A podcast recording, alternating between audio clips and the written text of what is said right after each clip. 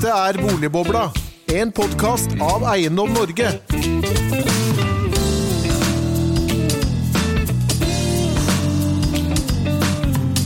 Hjertelig velkommen til en ny episode av Boligbobla, denne gang om boligmarkedet og pengepolitikk. For de siste 30 årene har inflasjonen i økonomien vært svært lav. Dette har gitt markant lavere renter, og det er spesielt det siste tiåret etter finanskrisen. Men både i fjor og så langt i 2022 har inflasjonen både i Norge og globalt tatt seg kraftig opp. Hva betyr dette for pengepolitikken og inflasjonsmålet, som er hva sentralbankene formelt sett styrer etter, spør vi? Og hva betyr dette for boligmarkedet? I dette opptaket fra Eiendom Norge-konferansen 2022 møter du professor Charles Goodhart fra London School of Economics, som snakker om hvordan inflasjonen igjen vil bli en faktor i økonomien og pengepolitikken på grunn av demografiske endringer både globalt og i vestlige land. Du møter også stipendiat Ingrid Hjertaker fra Høgskolen i Innlandet, sjefsøkonom Roger Bjørnstad fra LO, seniorøkonom Kyrre Omdal, DNB Markets, og professor Gisle James Nattvik fra Handelshøyskolen BI i en panelsamtale om hva dette betyr for norsk økonomi og det norske boligmarkedet. Ordstyrer, det var undertegnede, sjef for kommunikasjon og politikk i Eiendom Norge, Erik Lundesgaard. My name is Charles Goodhart, and I've recently written a book with my co-author Manoj Pradhan entitled The Great Demographic Reversal. The main feature of this book is that it concentrates on global rather than national factors, and also that it looks at the supply side rather than the demand side. And I'm going today to use that work to describe my own vision of macroeconomic developments, past, present, and future, and what that vision implies for interest rates and also for housing markets. I'm going to start off with a brief précis uh, of my book, and I apologize in advance to those few of you who may already have read it. The rest of you uh, may think that the last 30 years, from 1990 about until 2019, uh, represent some kind of norm, and that the present inflationary surge is but just but a bump, and that we'll re- we will all revert to the previous condition of low inflation and very low interest rates thereafter. I think that that is wrong, and I think that the last 30 years, uh, from 1990 to 2019 until COVID struck, uh, were absolutely extraordinary in the history of the world. In many ways, it was the greatest 30 economic years we've ever had, with very low inflation, uh, regular economic growth, and with vast numbers of the world's population being taken out of poverty. But it was extraordinary because it led to, or it was the condition of a massive surge in the availability of labor. And there were a number of reasons for that. The first of these is that the world became much globaler. Much more, there was much more globalization, in particular uh, with the advent of China and also of Eastern Europe to the world's trading system. And China is the world's um, most populous uh, country with a quarter of the world's population uh, in it.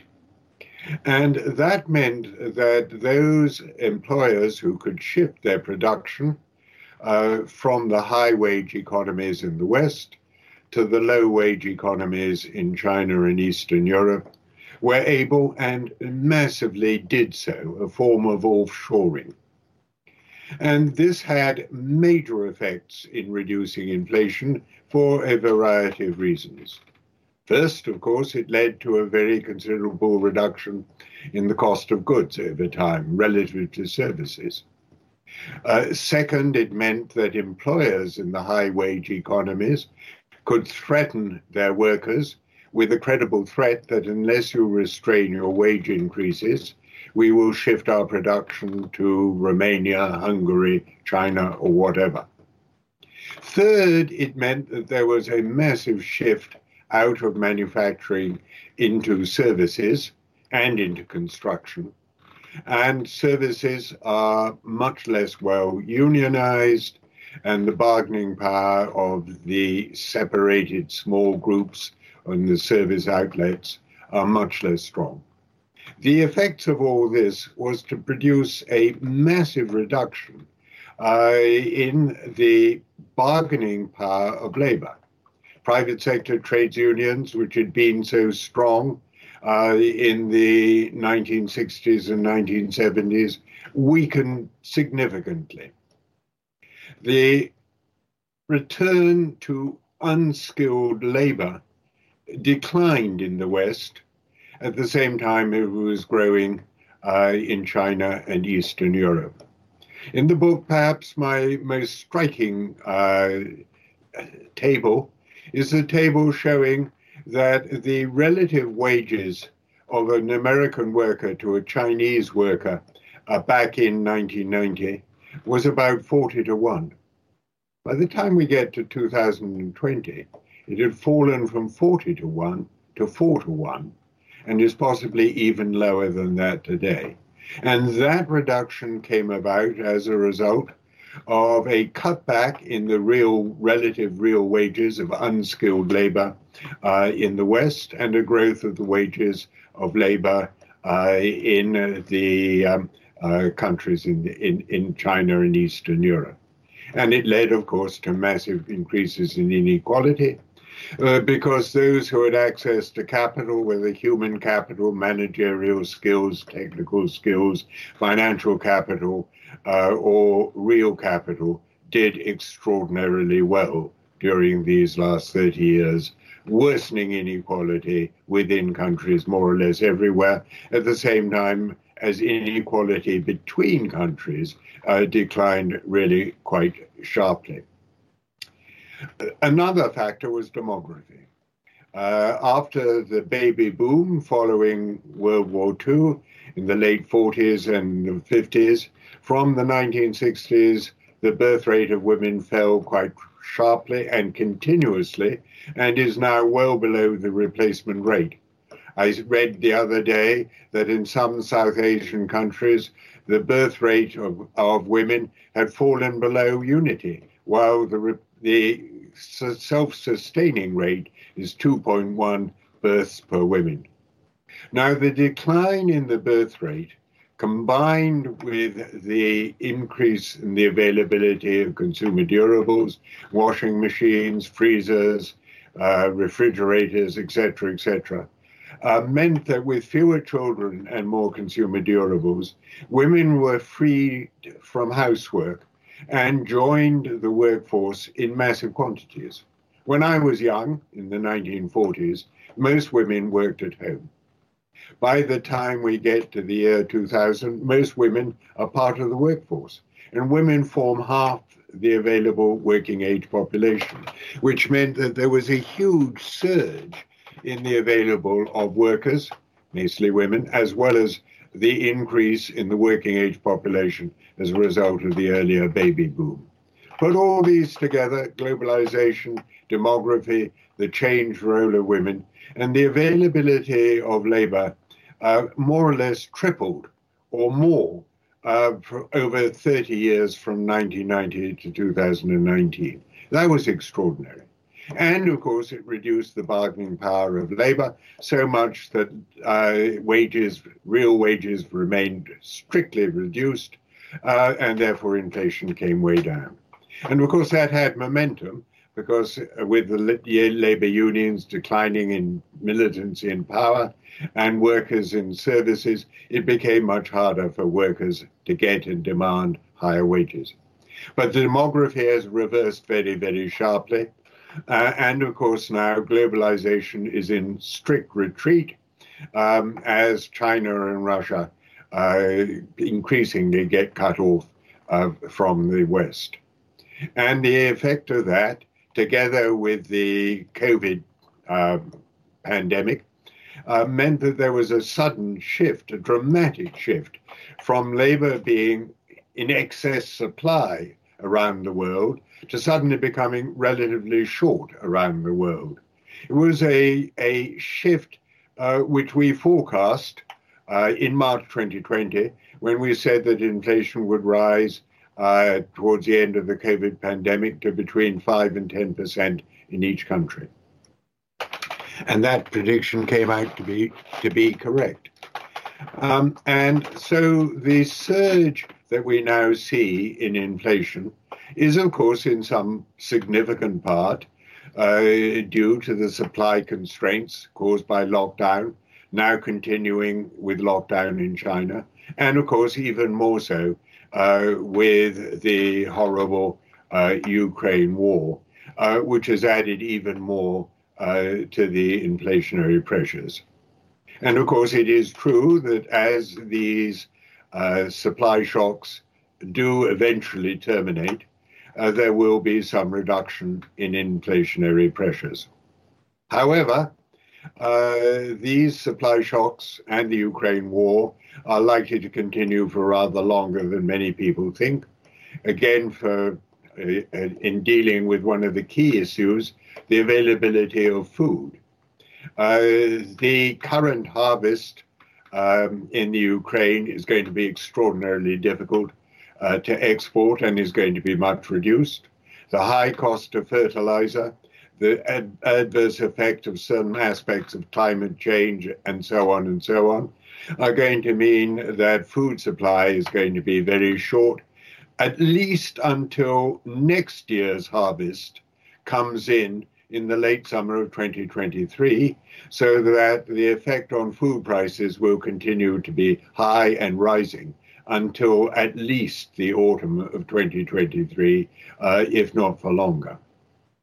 Moreover, uh, the key point of our book is that the underlying situation in labor markets is going to go from one of effectively excess worldwide supply to effectively short supply the dramatic shift uh, in labor availability, with labor markets being tighter right through the whole of the Western world, um, and indeed in many developed economies, is going to continue. The working age population in China, in Russia, in Germany, in much of Central Europe is now declining. And the working age population in the United States and the UK would already be going down if it was not for immigration. Uh, and it will need quite a lot of immigration in future to maintain the working age population in the US and UK uh, to a level. The only area where the working age population is now rising sharply is in Africa, and whether it will be possible to utilize the abundant African working population either to produce goods for exports in Africa or to move to countries needing a stronger labor force remains to be seen. The implication of the underlying shift in labor availability means that uh, the world is going to move from a condition in which labor is in excess supply to which a world is continuously and regularly in excess demand. And that is going to mean that the underlying context uh, conjuncture over the next three decades is going to be one of underlying inflation rather than underlying deflation. In my view, therefore, uh, the idea that interest rates, either nominal or real, will go back to the kind of negative levels that we have seen recently and have been historically extraordinary and, and never before seen will not recur. They were a special feature of the special labor conditions that occurred in the 30 years before COVID struck, and they are not going to come back. We're going to have to face a period in which interest rates will be higher, back perhaps to our normal level, uh, where nominal interest rates uh, have been perhaps about uh, 3 4% as a regular basis um, rather than the sort of one to zero that we have become used to uh, in recent years. So, what does that mean for housing? Uh, one of the features uh, of our economies is that our population is aging. And one of the features of an aged population is that we who are aged have paid off our mortgages, Uh, we don't like to move because moving a house at the age of, say, 65, 70, 80, and so on is really rather stressful. Some people put the stress of moving house as almost equal to the stress of getting a divorce. And we don't have to move. Moreover, uh, the fiscal considerations on uh, inheritance tax, uh, capital gains tax, uh, tend to make moving, particularly when you're old, uh, considerably less advantageous than staying put and being able to um, uh, deed the valuation of your house uh, to your descendants. So there is going to be an increasing misallocation of floor space with the increasing number of the old sticking into their existing homes. So the fact that the birth rate has gone down and the rate of growth of the population is slowing, though it won't actually start to decline uh, until about 2045, 2050, uh, means that the demand for housing uh, is going to be somewhat more buoyant uh, than you might expect given the slowdown in, in the rate of growth of the population as a whole.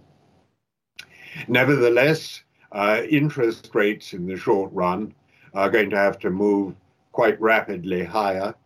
Uh, I expect that interest rates will have to move uh, to a level at which something in the macroeconomy cracks uh, in order to bring inflation back to the target rate. In the past, what has normally cracked has been the housing market, and interest rates uh, when there's been inflation, have got to raise to a level uh, at which housing markets crack and the housing prices go down quite sharply. That's not necessarily so clear now because in many of our economies, like my own and the United States, the household sector is in rather stronger financial position uh, than it was in times when other at other inflationary peaks and perhaps the private corporate sector is in a less strong position. So the crack in our economy is necessary to bring uh, inflation back to target. Uh, may take place in private corporates um, and in uh, bankruptcies uh, in the corporate sector more generally.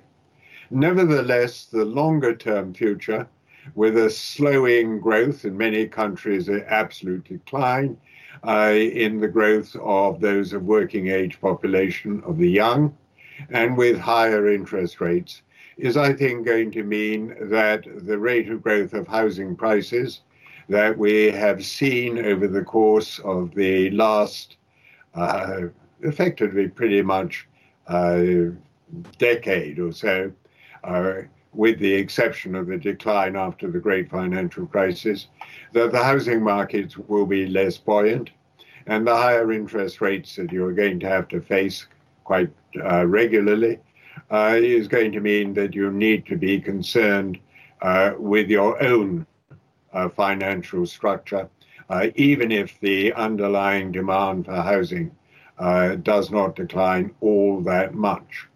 Uh, I think that the relative rise in housing prices uh, compared with prices more generally, which has been such a marked feature uh, of my economy and of many economies elsewhere, uh, is going to tail off, um, and that the future is likely to be uh, that the rise in housing prices uh, will become much more in line um, uh, with uh, uh, prices um, more generally. Um, now, that actually is pretty much what I wanted to say to you. Um, I find I've got six minutes left excess, um, but I think uh, it may be better uh, if instead of it being 25 minutes, it is just under 20 minutes. Uh, I hope that you don't mind my cutting the uh, uh, process a bit short. Uh, let me, that, I've said what I want to say. Um, uh, and I think, if you don't mind, that I'll stop there uh, with prices um, more generally. Um, now, that actually is pretty much uh, what I wanted to say to you. Um, I'm fine, I've got six minutes left excess, um, but I think uh, it may be better uh, if instead of it being 25 minutes, it is just under 20 minutes. Uh, I hope that you don't mind my cutting the uh, uh, process a bit short. Let me. That I've said what I want to say, um, and I think, if you don't mind, I'll stop there. Hjertelig velkommen. Det er en ære å få et så flott panel. Eh, som dere ser, jeg må jo begynne. Dere så jo i programmet at Kjersti Haugland skulle, skulle, komme hit i dag. Men hun har dessverre blitt uh, syk, så vi har fått av Kyrre Omdal, seniorøkonom fra DNB Markets, som på, i går kveld klokken 21.30 ble superreserve. Så en applaus til han for å stille opp på så kort varsel. Takk, takk. Ellers så må vi ønske velkommen til Ingrid Hjertaker, stipendiat ved Høgskolen i Innlandet. Velkommen til deg. Uh, Gisle James Nattvik fra Hanseskolen BI. Og Roger Bjørnstad fra LO, sjefsøkonom der nå. Uh, uh, jeg tror jeg kanskje må begynne med deg, Kyrre. Dette er jo ikke et Det er jo et dystert bilde Goodhart tegner her. De, de 30 årene vi legger bak oss, de kommer ikke igjen. Eh, hva nå? Hva betyr egentlig det, eh, det scenarioet med inflasjonen som nå kommer? Dette er jo noe vi egentlig har trodd eh, var forbi.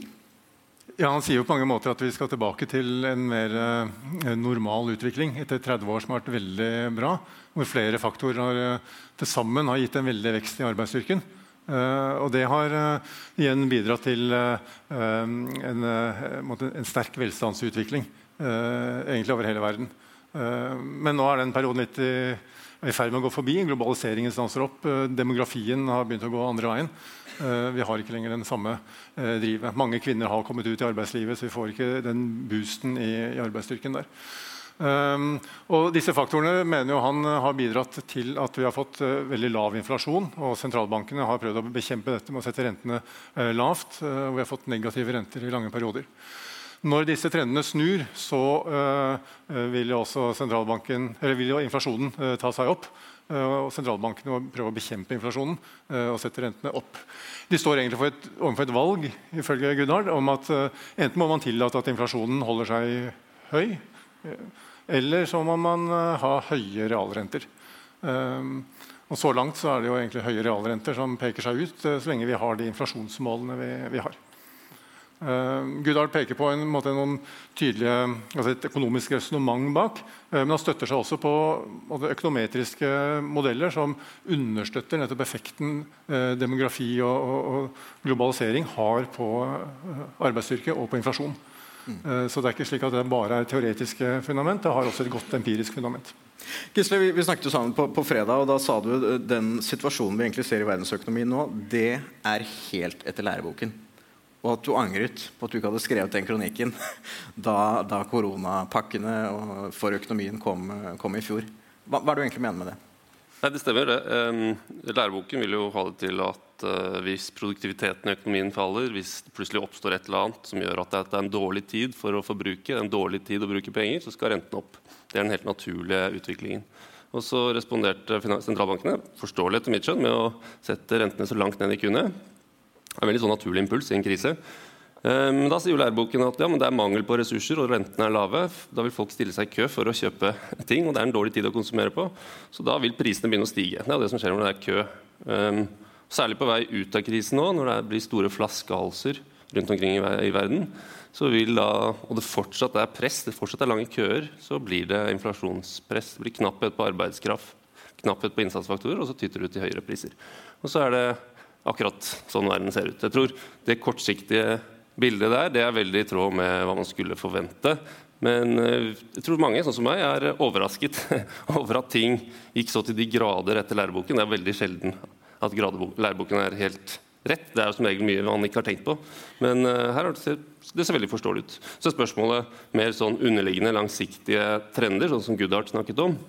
Det er noe litt annet. Om det vil være et sånn underliggende press over tid for å drive inflasjonen opp. Jeg synes Han har en veldig fin analyse. Jeg syns det er veldig interessant. Jeg har lest litt før jeg kom hit om hva han har skrevet. og det er mye forskning på demografiske trender, men det er få som er knyttet til inflasjon. Så Det, det synes jeg er veldig interessant. Han overser et par ting.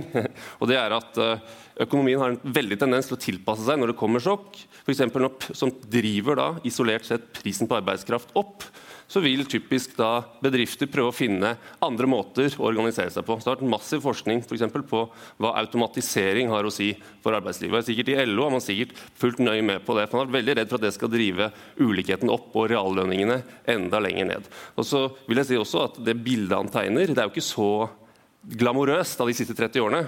Fordi Han sier også at ulikhetene har vokst radikalt i mange land.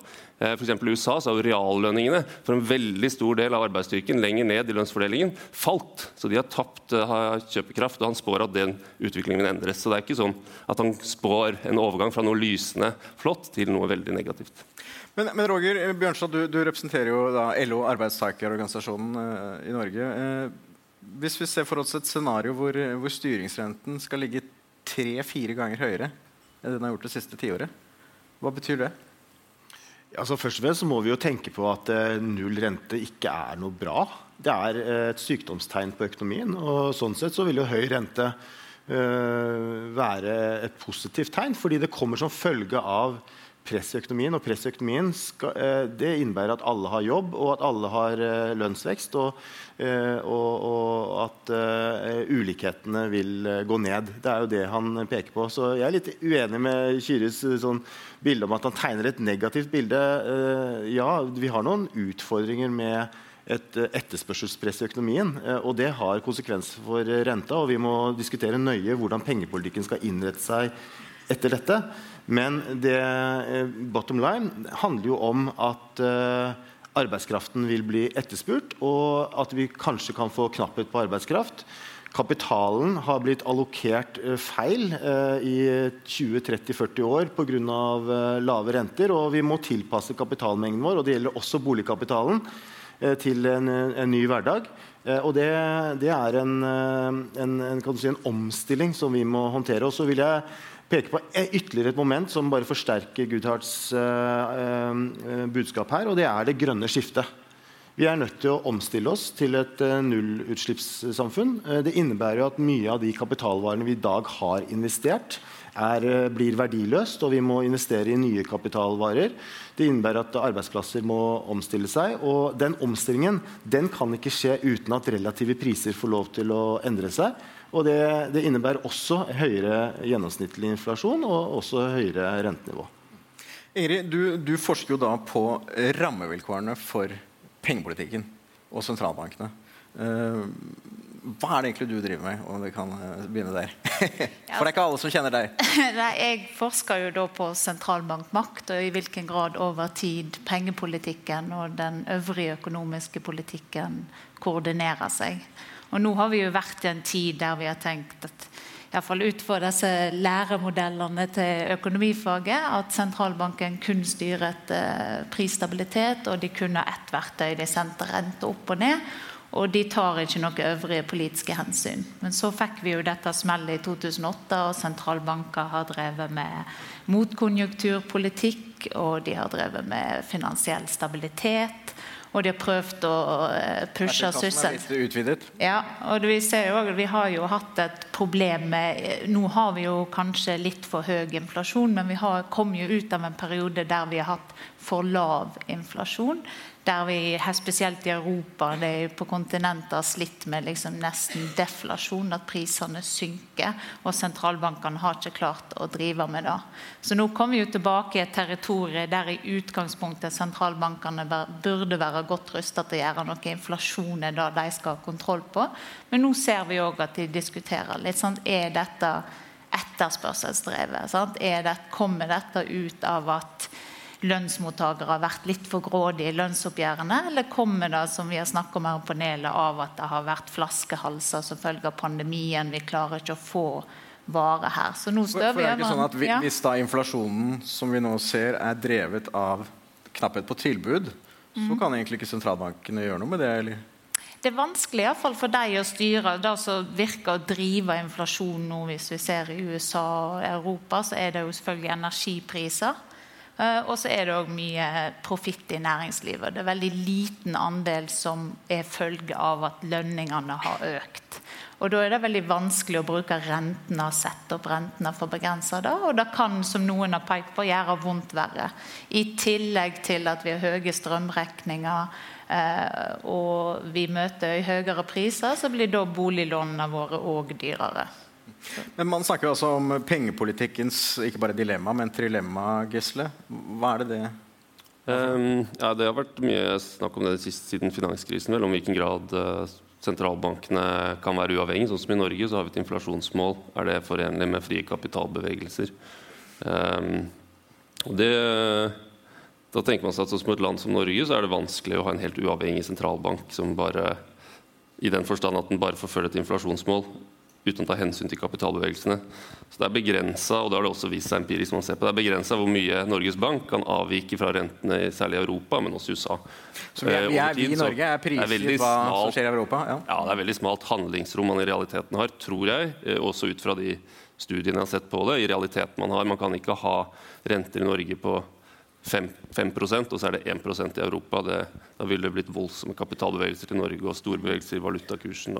Det blir et voldsomt politisk press òg, men det er kanskje noe litt annet enn hva da begynner vi å snakke om hva som er politisk mulig. bare For å legge vekk det politikken til side, bare hva som er bra for økonomien, så, så tror jeg det er urealistisk å tro at Norges Bank kan ha veldig sånn avvikende rentenivå fra det man ser rundt i Europa. Det er liksom, Man kan skru litt innenfor et intervall, men eh, ikke så mye mer enn det, tror jeg. Men, men Gisle, vil da Norges Bank, da, som er det vi snakker om her i Norge, klare å, å, å demme opp inflasjonen og nå inflasjonsmålet med den rentebanen de nå har sett for seg? Da? Vi snakker jo nå i, i, I år er det varslet tre renteøkninger. Noen snakker om kanskje fire. Ja, altså, jeg vet ikke. Eh, som makroøkonomer flest så vet vi det er veldig vanskelig å gjette på hva som skal skje i fremtiden. Vi kan prøve å forklare underliggende mekanismer, men prøve å forutsi hva som skjer i fremtiden, det er fryktelig vanskelig. Eh, nå er det et voldsomt inflasjonspress fra alle kanter rundt oss. Jeg tror det er naivt at, eh, at vi i Norge skal kunne stå imot det bare med innenlandske verktøy. Det, det vil bli et voldsomt prispress rundt oss, og det vil ta tid før det flyter gjennom hele økonomien. Jeg tror f.eks. at lønnsoppgjøret nå er veldig moderat. Og jeg tror at det, det betyr at det er veldig mye lønnsvekst som ikke er tatt ut ennå, som de må måtte ta ut, vil vil se over årene som kommer. Og da vil, Det er vanskelig å se hvordan vi må nå bare se at prisene hopper opp, og så er inflasjonen ferdig. Um, så jeg, og bare Empiriske studier de viser jo at um, inflasjonen i går, eller i fjor, det er den beste prediktoren for inflasjonen fremover. At det er et enorm treghet i inflasjon over tid. Eh, sånne Teoretikere som meg har ofte prøvd å komme opp med forklaringer på inflasjon. og sånn, Så går man til data og estimerer der. Jeg Roger til og med drevet med det, og så ser man at ja, men det er inflasjonen i går som forklarer mesteparten. forklarer mye mer. Så jeg tror det kan vise seg. Og jeg, jeg har jobbet litt i sentralbanken. Jeg husker vi snakket lenge om eh, de lave, lave inflasjonspresset rundt 2010 og sånt. og da alle inflasjonsforecastene i Norges Bank pleide liksom da å gå opp igjen til normalen etter to år. Så måtte man liksom sette horisonten på to år, og så var det liksom viktig at den banen endte på to år. Så var det veldig eh, mye konflikter og diskusjoner om liksom, kan vi virkelig publisere en rentebane der inflasjonen ikke går tilbake til målet. Og så tvert om skjønte man at det, jo, vi må bare gjøre det som modellen tipper skal skje. Jeg tror, om man har systematisk, og det Goodhart har skrevet litt om det, at policymakere og markedet generelt har typisk eh, overestimert hvordan ting skal vende tilbake til normalen. Det har de gjort i 20 Altså, år. det er jo det man hører hele tiden. Tilbake til normalen. Det, det må være forbudt å si. Forbudt å si, men jeg tror man er lett å overvurdere stor, hvor raskt sånne ting bare vender tilbake. Enten er det ny normal, eller så er det tilbake til normalen. Eh, Kyrre, dere er jo da mer i markedet. Kan, kan Norges Bank klare eh, å møte den inflasjonen da, med de rentebanene som er varslet nå? Ja, Det er vanskelig å si. Da er jo inflasjonen et, et sammensatt fenomen. Altså, hvor det er eh, noen litt mer sånne, si, strukturelle eller langsiktige trekk som kanskje dytter den oppover. Eh, og så har vi hatt en rekke si, engangseffekter som har løftet inflasjonen mye. Eh, og En del av disse effektene vil jo spille seg litt ut, og inflasjonen kommer ned av seg selv. Det betyr ikke at den kommer ned til to eller under to, uh, f.eks. Men eh, det som er viktig for sentralbanken, må jo være at de høye inflasjonsratene vi ser, ikke forplanter seg inn i måte, forventningsdannelsen. Da. Eh, slik at aktørene i økonomien begynner å tro at nå skal prisveksten være 5% fremover.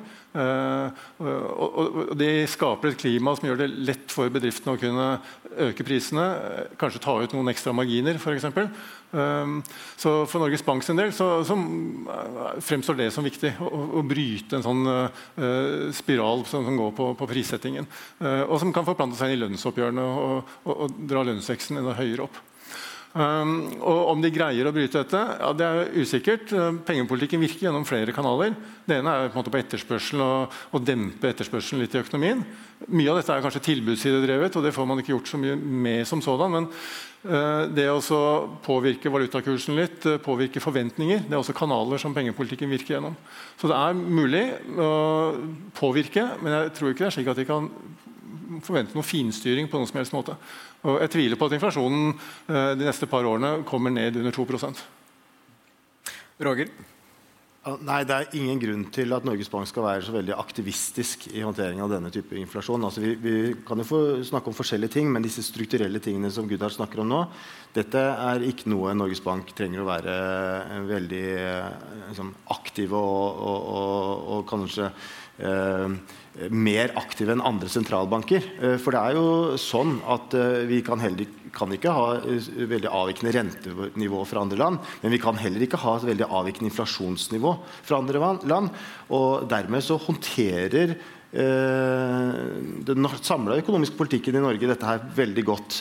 Finanspolitikken bidrar også på etterspørselssiden, men jeg vil også trekke fram lønnsdannelsen, som jo er organisert sånn at vi tar den internasjonale si, inflasjonen eller lønnsveksten inn til Norge. Enten det er lav eller høy. For å bevare norsk konkurranseevne. Og eh, På den måten så gjør eh, den norske lønnsdannelsen jobben eh, istedenfor Norges Bank. Og Norges Bank trenger ikke å være aktivistisk i møte, den, med, i møte med, med, denne høye inflasjonen. Mm. Ingrid, altså det, det, er jo ofte snakket om at uh, det er et vanntett skott mellom finanspolitikken og pengepolitikken, men, men, det er det jo ikke. Dette er jo egentlig siamesiske tvillinger, er det ikke det? Ja, sånn Historisk sett så er det jo en god del av uh, koordinering mellom pengepolitikken og finanspolitikken. Altså Sentralbanker ble jo i utgangspunktet for å si det litt enkelt, laga for å finansiere statlig krigføring. De lånte penger og trykte penger så staten kunne gå til krig. Og de har vært viktig industrialisering osv. Nå ser vi jo òg at den krisepolitikken som sentralbanken har ført siden 2008, har jo hatt veldig uklare grenser. Sant? Hvis en gir et bank et lån på tre år, så begynner det å ligne på industripolitikk eller kredittpolitikk, og ikke nødvendigvis pengepolitikk. Og en har kjøpt statsobligasjoner i, i, flere sentralbanker som gjør at det blir billigere for land å låne penger. Og Den europeiske sentralbanken gjorde det eksplisitt for å hjelpe land som sto overfor store helsekriser.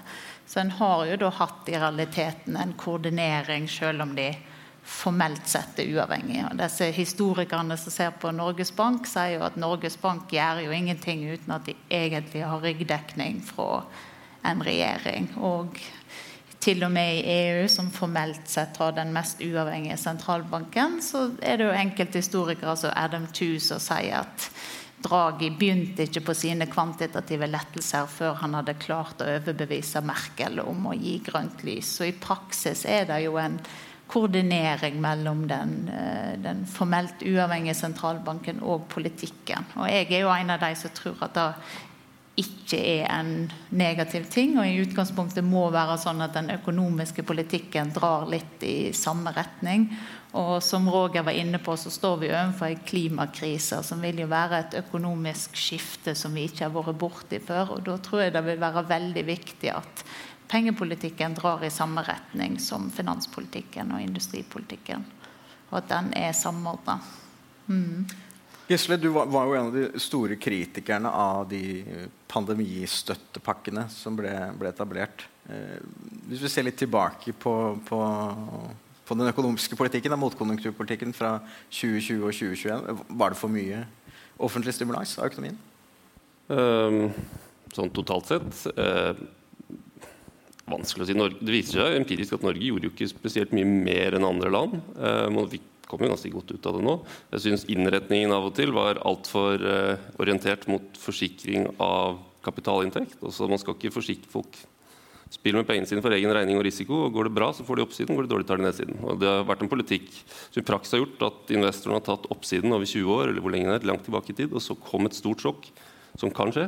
Og så blir de forsikra av staten, av skattebetalerne, skal betale for dekke nedsiden. Det mener jeg er galt. og Det var det jeg var veldig opptatt av. Totale størrelsesorden, det er et uh, godt spørsmål. Jeg har ikke svaret på det. Altså. Men, fall, men det jeg tror um, Når vi ser tilbake på det nå, så ser vi at vi har vært for orientert mot å stimulere etterspørsel i en situasjon hvor aktiviteten er drevet ned fra tilbudssiden. Det tror jeg vil, er min gjetning at det vil stå seg når man har fått bedre studier av det her uh, i årene fremover. Mm.